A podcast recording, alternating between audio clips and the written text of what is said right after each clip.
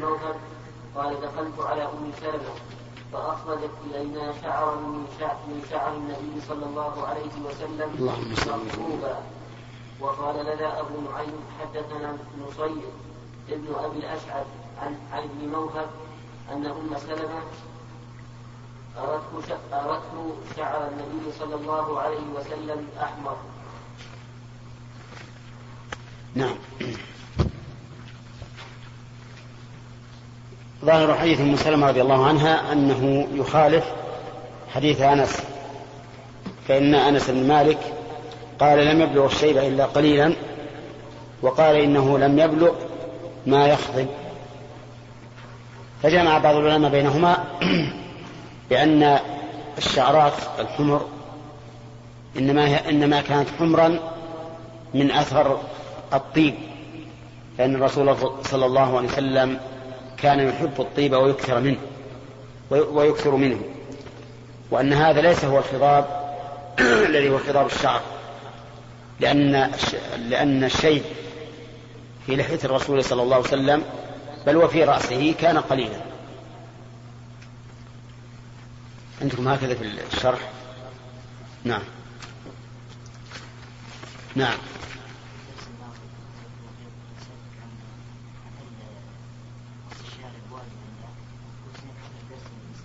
نعم. أي نعم. نقول إن الفطرة الخمس السابقة منها شيء واجب ومنها شيء مستحب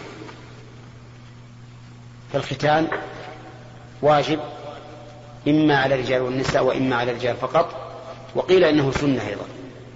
والبقية كلها سنة على القول الراجح وإن كان ظاهر حديث أنس في قوله وقت لنا ألا نترك فوق أربعين ظاهره الوجوب وأنه لا يجوز أن تبقى أكثر من أربعين يوما وأما قص الشارب فإن بعض أهل العلم يقول إنه واجب أيضا كإعفاء اللحية.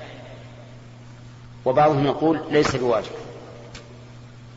ولكن إذا نظرنا إلى أن الرسول عليه الصلاة والسلام قرنه بإعفاء اللحية وقال خالف المجوس فإن المخالفة لا تكون إلا بفعل الشيئين جميعا. وعلى هذا يترجح القول بوجوب قص الشارع طيب أما أما الحديث الذي معنا فهو هل النبي عليه الصلاة والسلام خضب شيبه أم لا؟ والظاهر أنه لم يخضبه نعم.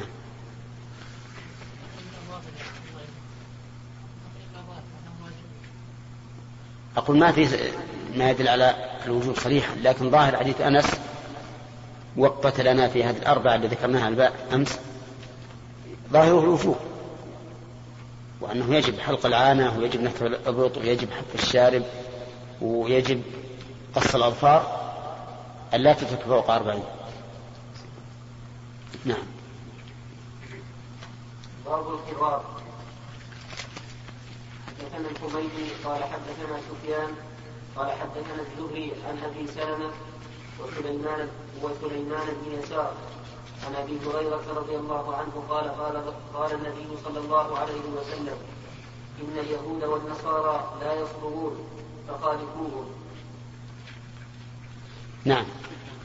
قول إن اليهود والنصارى لا يصبغون الظاهر لا يصبغون البياض الشيء.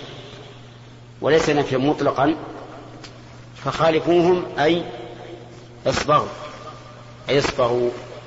وهذا الأمر للاستحباب. وظاهره أنه للوجوب لأن الأصل في مخالفة اليهود الوجوب. لكن نظرا إلى أن بعض الصحابة رضي الله عنهم من كبرائهم كانوا لا يخطبون واشتهر ذلك بينهم ولم ينكر يدل على أن أنهم فهموا أن الأمر للاستحباب وليس للوجوب. وقوله هنا خالفوهم يقتضي جواز مخالفتهم في كل لون لكنه قد ورد ما يدل على أنه لا يجوز الخضاب بالسواد. وأما بغيره من الألوان فلا بأس به. وذلك لأن الصوب بالسواد فيه شيء من نوع المضادة لحكمة الله عز وجل. فإن لون الشباب أسود. فإذا أنت حولت هذا البياض إلى سواد فكأنك تضاد الله عز وجل وكأن فيه شبه اعتراض على الله سبحانه وتعالى. فلهذا كان الصبغ بالسواد على القول الراجح محرما. وإن كان بعض العلماء قال إنه مكروه لكن الصحيح أنه حرام وأنه لا يجوز للإنسان أن يصبغ بالسواد. لكن هناك صبغ يكون بين السواد والحمرة أي يكون أدهم بحيث يخلط الكتم بالحنة ويصبغ به. فإن هذا يجعل الشعر بين الأسود والأحمر فلا يكون داخلا في النهي. وظاهر الحديث أن هذا عام للرأس واللحية وهو كذلك. لا سيما أن سبب الحديث وأن أبا قحافة جيء به إلى النبي صلى الله عليه وسلم ورأسه كالثغامة بياضا. فقال غيروا هذا الشيء وجنبوه السواد نعم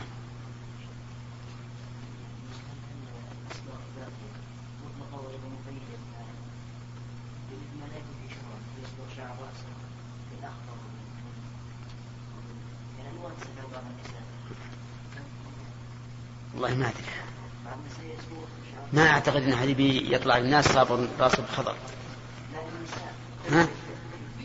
إيه؟ عجيب. أسود؟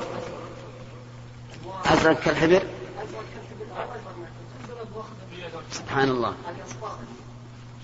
والله الظاهر أن الأصل الحل الأصل في هذا الحل نعم. هو كل شيء في شهرة. كل شيء يخالف الناس يصير في شهرة.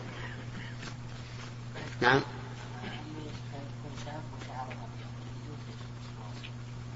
لا الأسود ما يجوز ولو كان شابا وهو أحسن له إذا شاب وهو صغير.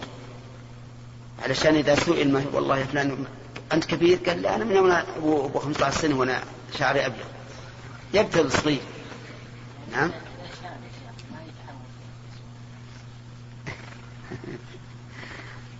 سؤال هذا غريب. يقول إذا كان شابا وشعره أبيض فإذا شاب صار أسود. ما أظن هذا. الظاهر ما يكون. نعم عبد الوهاب.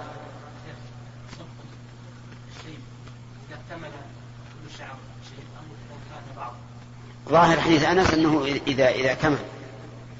نقول لم يبلغ أن يخطب يدل على أنهم لا يخطبون إلا ما كان كله أبيض. نعم. خلاص ثلاثة. ثلاثة نعم.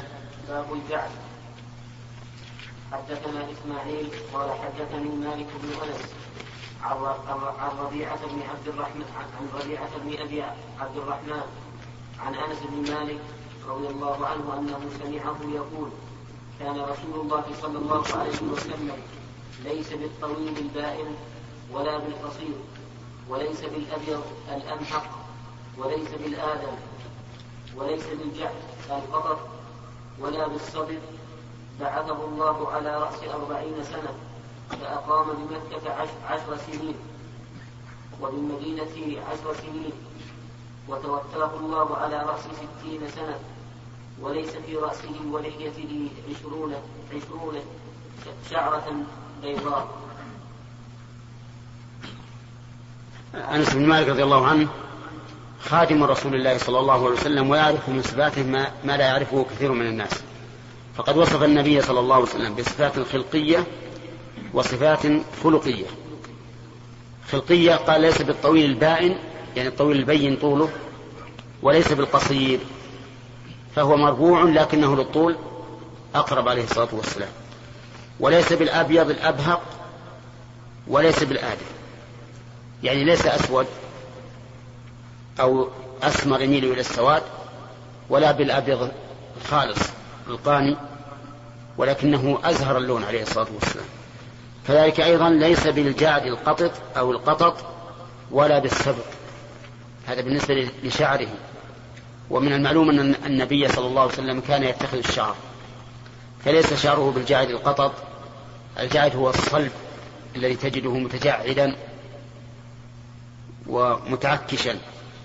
ولا بالسبط اللين الذي ينساب ويسترسل بل كان بين ذلك عليه الصلاة والسلام. وأما قوله بعثه الله على رأس أربعين فهذا من صفاته الخلقية وهو أنه صلى الله عليه وسلم رسول رب العالمين. بعث على رأس أربعين سنة عند استكمال القوة والكمال. وك ولكنه قال أقام أقام بمكة عشر سنين وبالمدينة عشر سنين. وهذا فيه نظر. فإن إقامته في مكة كانت ثلاث عشرة سنة. لأنه بالاتفاق أنه مات وله ثلاث وستون سنة. فلعله أراد أقام بمكة عشر سنين بعد أن بلغ الرسالة وقام بأعباء الرسالة والدعوة إليها. و وتوفاه الله على رأس ستين سنة. ولكن الصواب أنه على رأس ثلاث وستين سنة. لكن هذا من باب حذف الكسر. فإن العرب أحيانا يحذفون الكسر ويعدون إما من من العقد الذي يسبق الكسر وإما من العقد الذي يليه. فإلى أيتهما أقرب؟ أضافوه. وهنا أقرب إلى الستين من من السبعين. فلهذا قال على رأس ستين سنة. وقول ليس في رأسه ولحيته عشرون شعرة بيضاء. يطابق ما سبق لأنه لو شاء أن يعدها لعدها. فليس فيه صلوات الله وسلامه عليه إلا شعرات قليلة بيضاء. نعم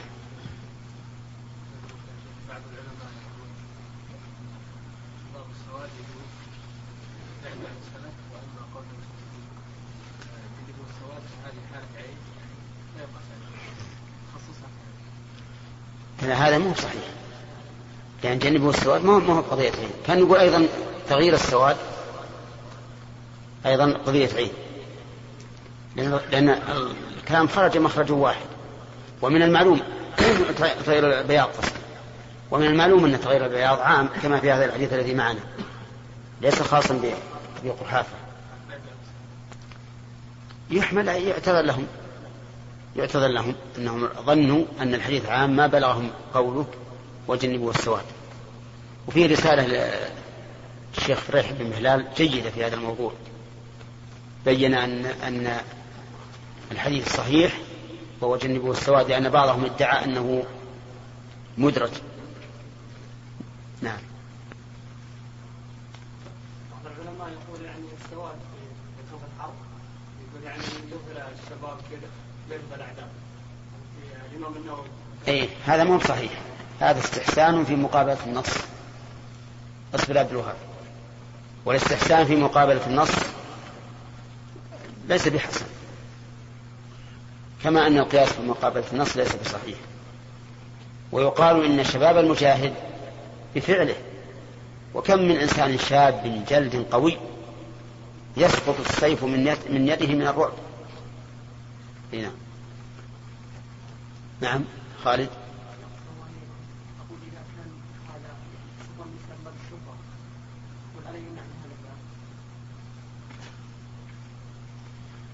والله مسألة الشهرة كل شيء جديد يكون شهرة. كل شيء جديد حتى لو يأتي مثل ثوب جديد قال والله شفنا على فلان ثوب كذا وكذا. فإذا أخذنا بهذا الأصل معنى كل جديد. ما أدري والله هل يستقيم هذا ولا ما يستقيم. نعم. يا أخي بعض الناس زين. ما هو الآن؟ الكحل في العين ما هو بجيد وزين وجمل العين. الآن بدأ يكحلن بالجس. الحين يكحلن بالجس. إذا شفت عينه لا بيضاء. هذا السواد اللي, اللي جعله الله تعالى في الجفون وجملها صاروا يحطون الأبيض. إذا شفتها ولا مثل الصبي اللي قايم من النوم كل عينه غمص أعوذ بالله. نعم. نعم. حدثنا مالك بن إسماعيل قال حدثنا إسرائيل عن أبي إسحاق قال سمعت البراء يقول ما رأيت أحدا أحسن في حلة حمراء من النبي صلى الله عليه وسلم. قال بعض أصحابي عن مالك إن أمته لتضرب قريبا من منكبيه. قال أبو إسحاق سمعته يحدثه غير مرة ما حدث به قط إلا إلا ضحك تابعه شعبة. شعره يبلغ شحمة أذنيه. أذنه أذنيه.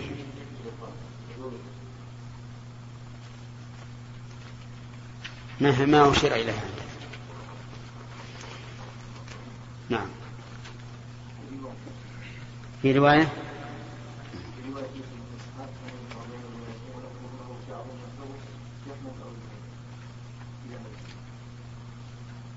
طيب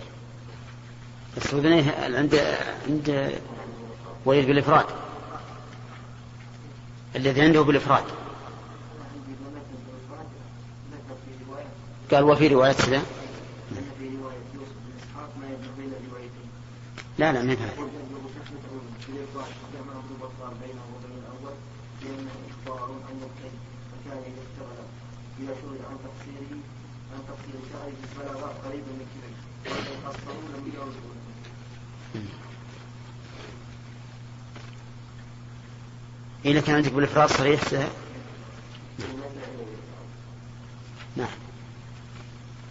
حدثنا عبد الله بن يوسف قال أخبرنا مالك عن نافع عن عبد الله بن عمر رضي الله عنهما أن أن رسول الله صلى الله عليه وسلم قال قراني الليلة عند الكعبة. فرأيت رجلا آدم كأحسن ما أنت رائع. كأنت ما أحسن كأنت كأحسن ما أنت رائع من من من أذن الرجال. له له كأحسن ما أنت رائع من من اللمم قد رجلها فهي تقطر ماء متكئا متكئا على رجلين أو على عواتق. أو أو على عواتق رجلين يطوف بالبيت فسألت من هذا؟ فقيل المسيح ابن مريم. وإذا أنا برجل جعل قطر أعور العين أعور العين أعور, أعور, أعور العين اليمنى كأنها عنبة طافية, طافية. فسألت من هذا؟ فقيل المسيح الدجال.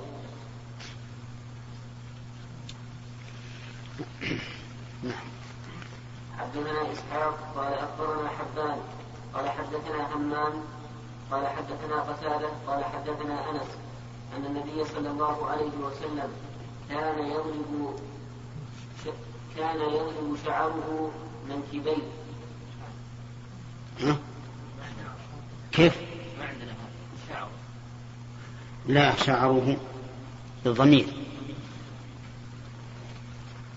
حدثنا موسى بن اسماعيل قال حدثنا همام عن قتادة قال حدثنا أنس.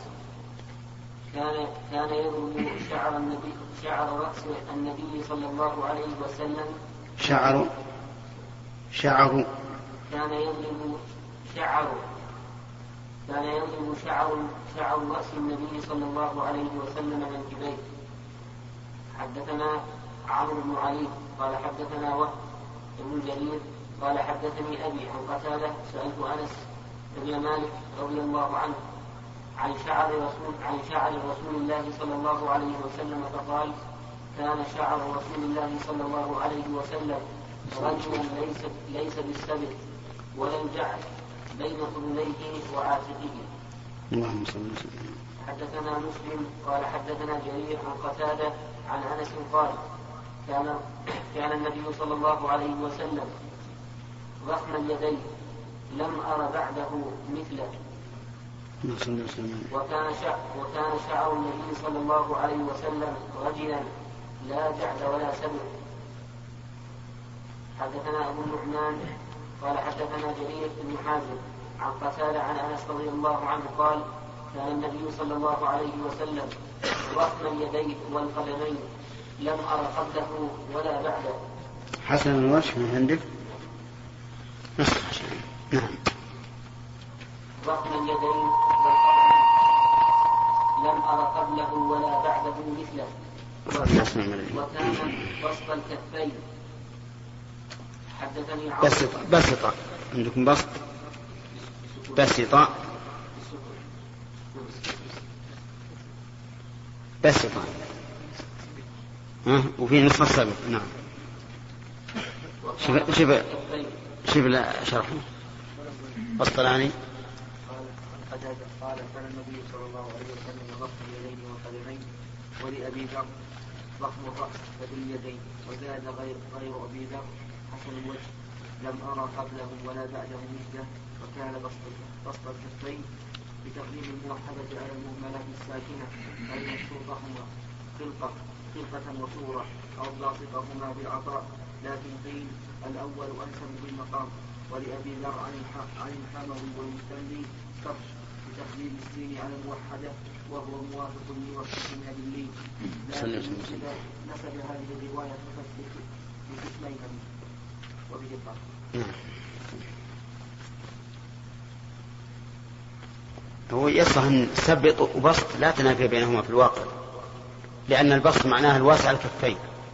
واسع الكفين كأنها مبسوطة ممدودة والسبط اللين. وقد كان كذلك كف النبي صلى الله عليه وسلم لينة كأنها الحرير من لينة. صلوات الله وسلامه عليه.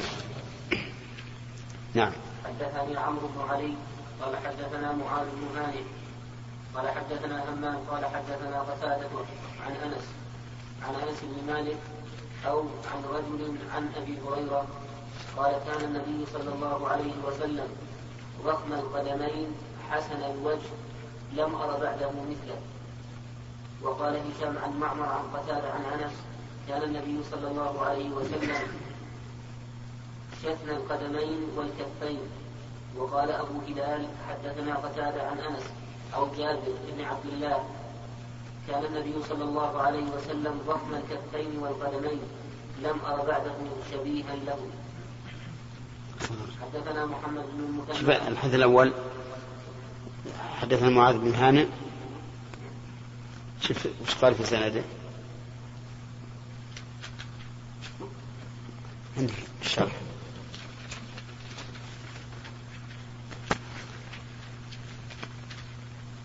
حدثنا عمرو بن علي قال حدثنا معاذ بن هانئ.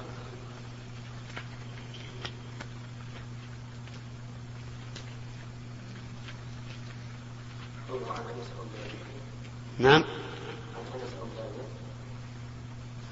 حدثنا عمرو بن علي. قال حدثنا معاذ بن هانئ وش الفتح لا لازم تتكلم كيف؟ كم صفحة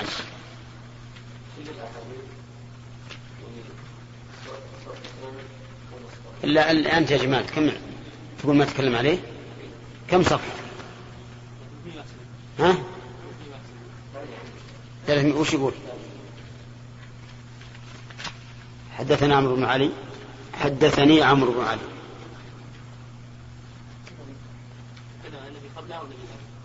وخلاهم؟ وش عندك؟ عمرو بن علي بفتح العين وسكون ميم أبو حفص الفلاس قال حدثنا معاذ بن هاني بهمزة بهمزة البصري. قال حدثنا همام هو ابن يحيى. قال حدثنا قتادة عن عن أنس. قتادة. قال حدثنا قتادة عن أنس بن مالك رضي الله عنه أو عن رجل عن أبي هريرة. قال في فتح الباري يحتمل أن يكون الرجل إيه قال في فتح الباري لا بد أنه ذكر. ها؟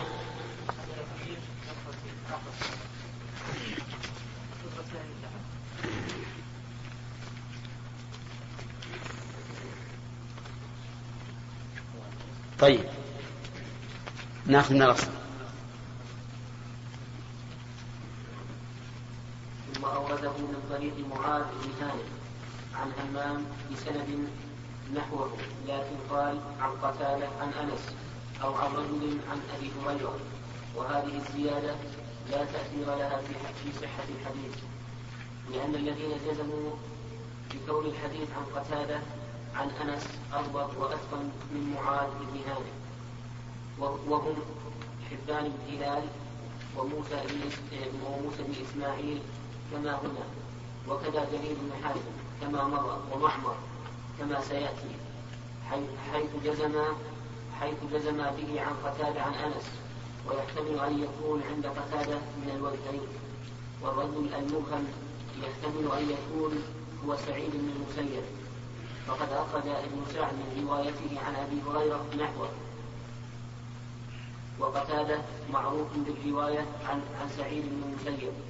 وجوز الكرماني أن يكون الحديث من مسند أبي هريرة وإنما وقع التردد في الراوي هل هو أنس أو رجل مبهم؟ ثم رجح كون التردد في كونه من مسند أنس أو من مسند أبي هريرة لأن أنسا خادم النبي صلى الله عليه وسلم وهو أعرف بوصفه من غيره. فبعد أن فبعد أن يروي فبعد. أن بعد. فبعد أن أن يروي عن رجل عن رجل عن صحابي آخر هو أقل هو أقل ملازمة له منه. انتهى. وكلامه الأخير لا يحتمل السياق السياق أصلا. وإنما الاحتمال البعيد ما ذكره أولا. اسمه بعيد وكلامه الأخير لا لا يحتمل السياق أصلا.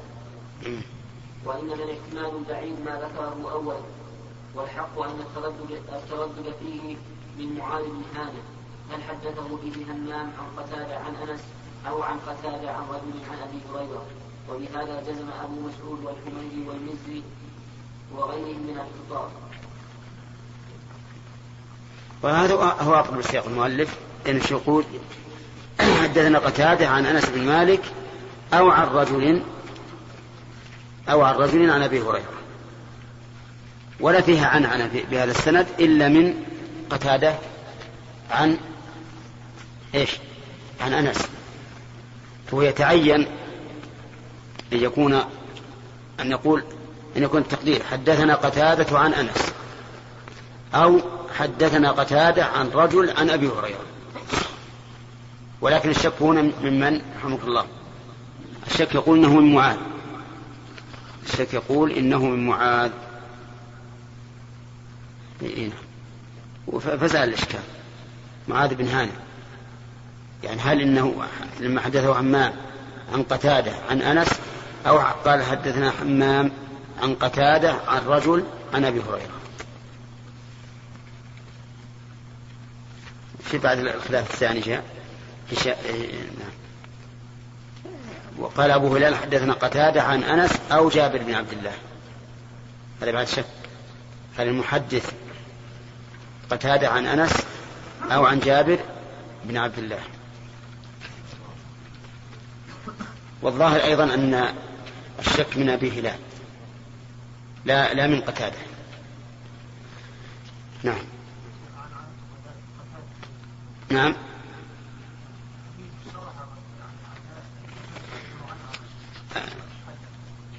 اي نعم.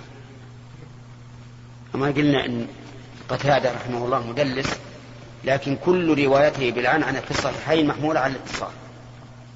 لأنه من المعروف من شرط الشيخين الشيخين الاتصال.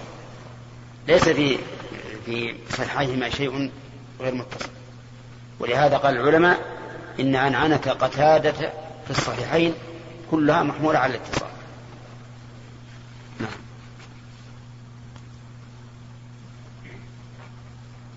حدثنا محمد بن المثنى.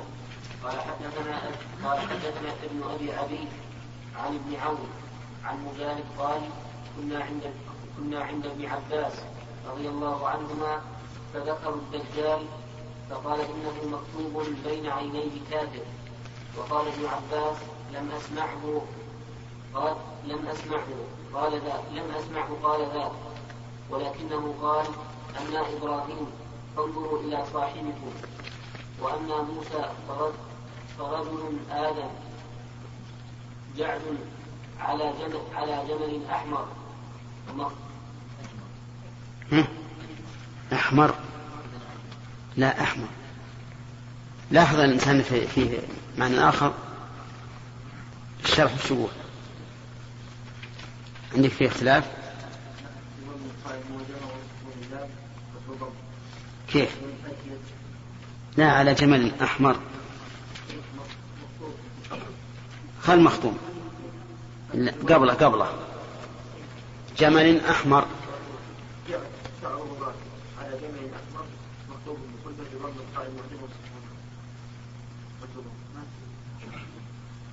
المهم أظن غلط. النسخة اللي عندكم أجمر غلط. نعم. وأما موسى فرجل آدم آدم جعل على جمل أحمر مختوم بخلة كأني أنظر إليه. إذا انحدر في فإذا انحدر إذ انحدر. إذا نسخة ثانية. نعم. إذا انحدر في الوادي يلبي الشاهد قوله جعد. وهذه المسألة أعني جعودة الشعر أو كونه سبطا من الأمور الجبلية التي من خلق الله عز وجل. ليس للإنسان فيها حيلة. نعم فيه أدوية. يمكن أن تجعل الشعر جعدا ويمكن أن تجعله سبطا. لكن في الأصل هو من الله. إلا أنهم يقولون إن الجعود تدل على القوة. وعلى الكمال والنشاط. وليس هذا ببعيد لأن الشعر إذا كان على متجعدا لا شك أنه يدل على أنه قوي وقوة الشعر تدل على قوة البدن. من باب أولى. نعم.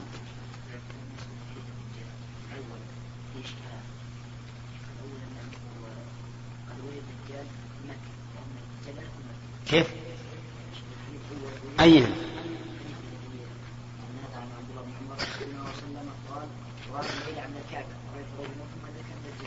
كيف؟ نعم.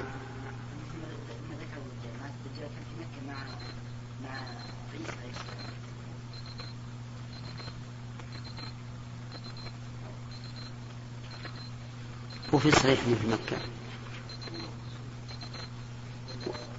إذا كان صريحا أو ظاهرا. نعم. نعم. هنا نعم. ورأيت؟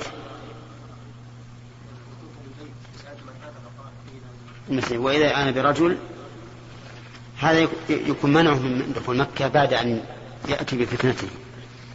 يعني في آخر الزمان إذا أتى بفتنته فإنه لا لا يدخل مكة ولا يدخل المدينة أيضا. نعم. يحتمل الله تعالى ضرب له صورته. ضرب له صورته وقيل هذا مسيح الدجال. فيكون هذا على سبيل التمثيل مثل ما يأتي الملك بصورة البشر. مثل جبريل والملك الذي جاء إلى الثلاثة الأبرص والأقرع والأعمى. هنا.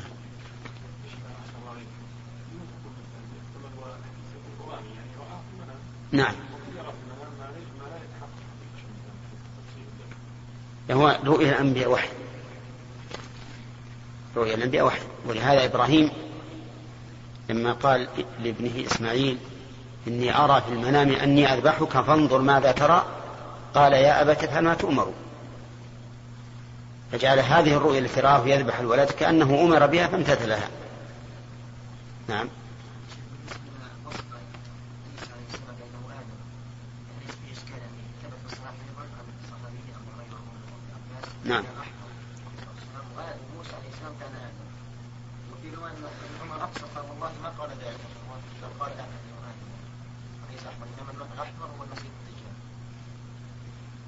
رأيت رجل آدم كأحسن ما ترى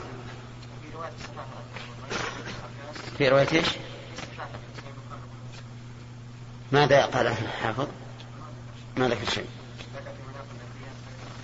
إنه هو حتى عندنا هنا في ذكر آدم.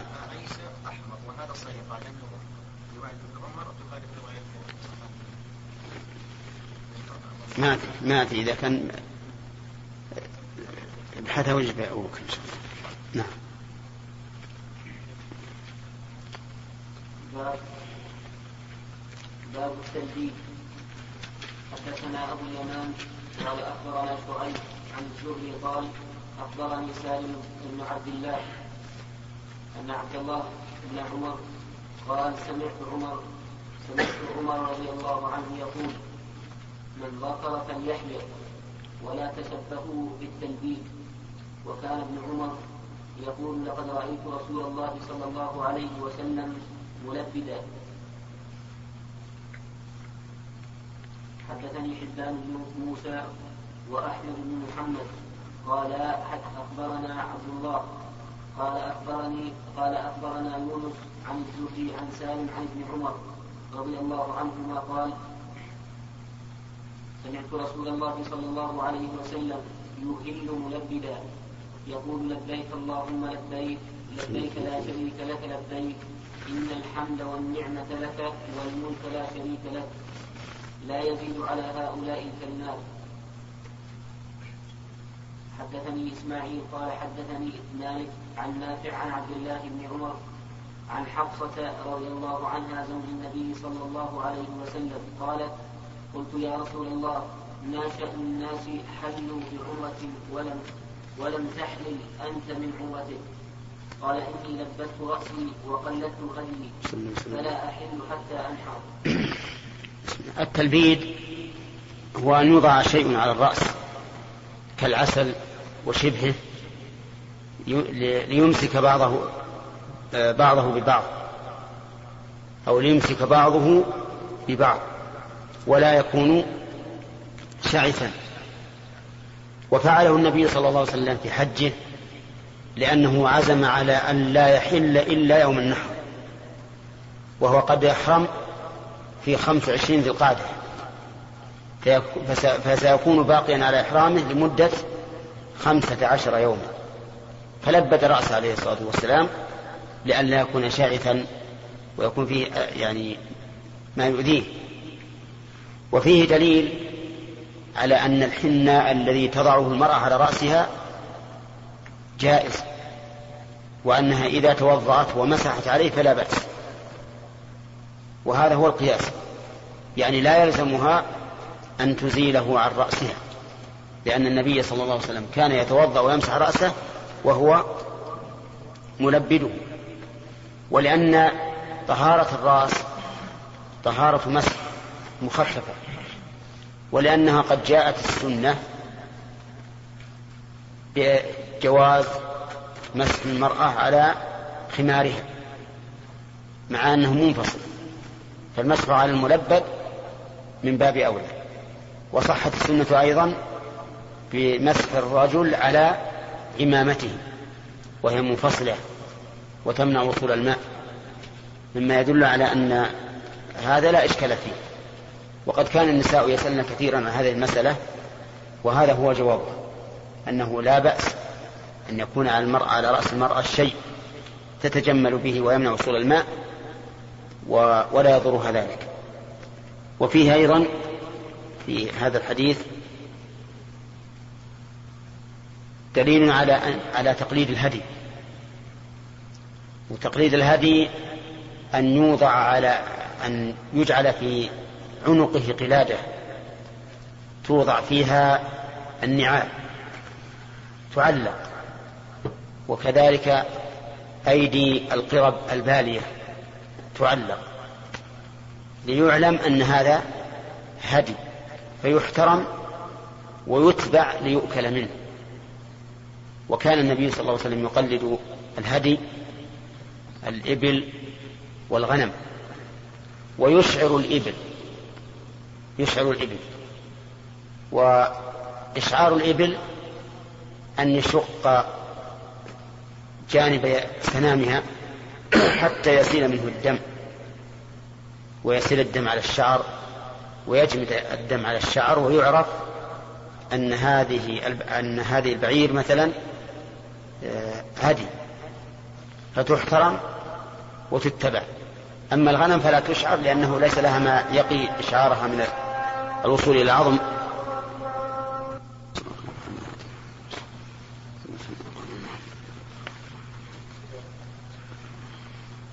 نعم نعم.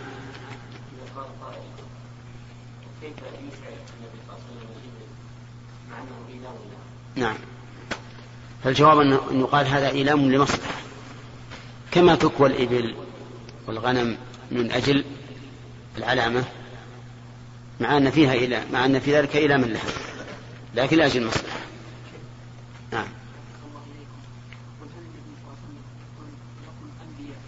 إيش؟ وش يسوي؟ الأول مفهوم هل النبي صلى الله عليه وسلم هذا مفهوم يفضل نعم.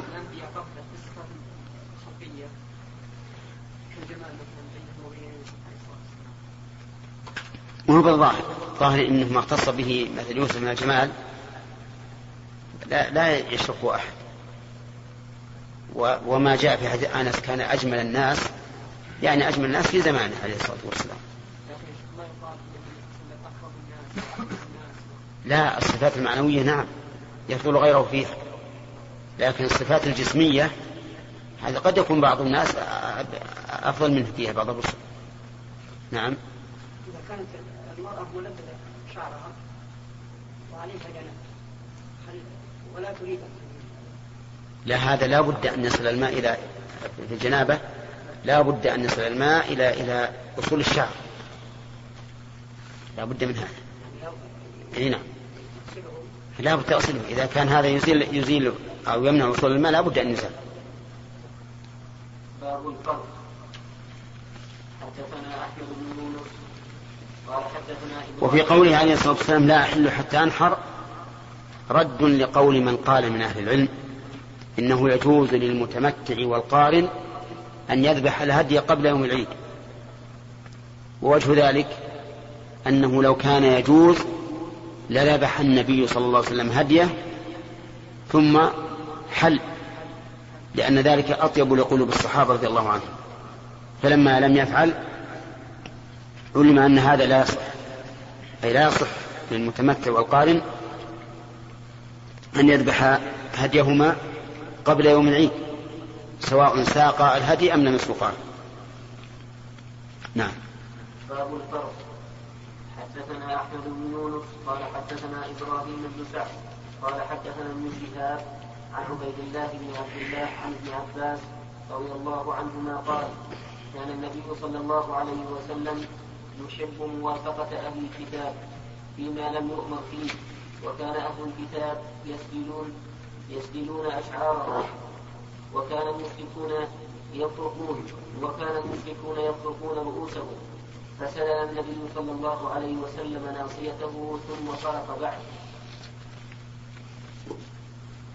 حدثنا أبو الوليد وعبد الله بن رجاء قالا حدثنا شعبة عن الحكم عن إبراهيم عن الأسود عن عائشة رضي الله عنها قالت كأني أنظر إلى وبيس الطين في مفارق النبي صلى الله عليه وسلم وهو محرم.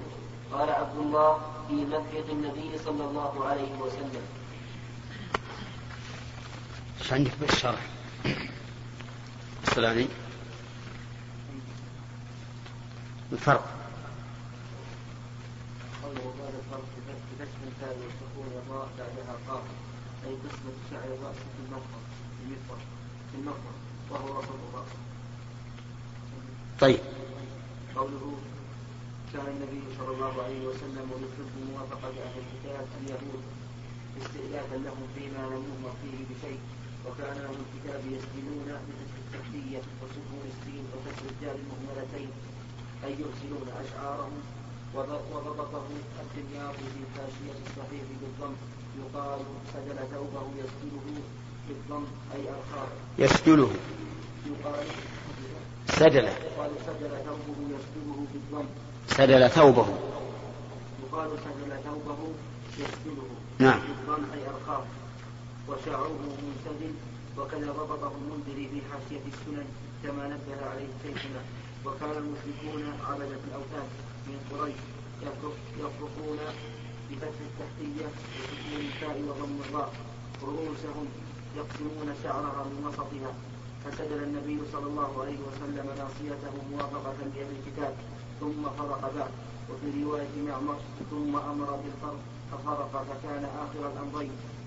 وروي أن الصحابة رضي الله عنهم كان منهم من يفرق ومنهم من كان يسجد ولم يعد بعضهم على بعض. فصح أنه صلى الله عليه وسلم كانت له منة. فإن انفرقت فإن انفرقت فرقها وإلا تركها. قال النووي الصحيح جواز الفرق والسد وهذا حديث سبق في ها؟ نعم. قال فرق شعره فرقا بالسكون وأصله من الفرق بين الشيئين والمفرق مكان ابتسام الشعر من الجبين إلى دار إلى دارة وسط الرأس ومن فتح الميم ولكسرها. وكذلك الراء تكسر وتفتح نعم. اي ما هي مشكلة؟ آه، السدل كان النبي عليه الصلاة والسلام أول ما قدم المدينة يحب موافقة أهل الكتاب فيما لم يؤمر فيه بضده. فكانوا يسدلون يعني يجعلون شعورهم وجها واحدا إلى الوراء. فكان يفعل مثله. وكان المشركون يفرقون. فالنبي صلى الله عليه وسلم الآن بين أمرين. إما أن يوافق المشركين أو يوافق أهل الكتاب. ومن المعلوم أن موافقة أهل الكتاب أقرب للصواب. لأنهم على كتاب بخلاف المشركين فكان يسلم ثم لما أسلم الناس في آخر الأمر صار يفرق عليه الصلاة والسلام لأنه, لأنه زال الوصف الذي يحب الابتعاد عنهم به وهو الشرك. فصار يفرق فصارت السنة في من عليه رأس أي في من اتخذ الشعر أن يفرق يعني يجعل شعره قسمين. قسما إلى اليمين وقسما إلى اليسار.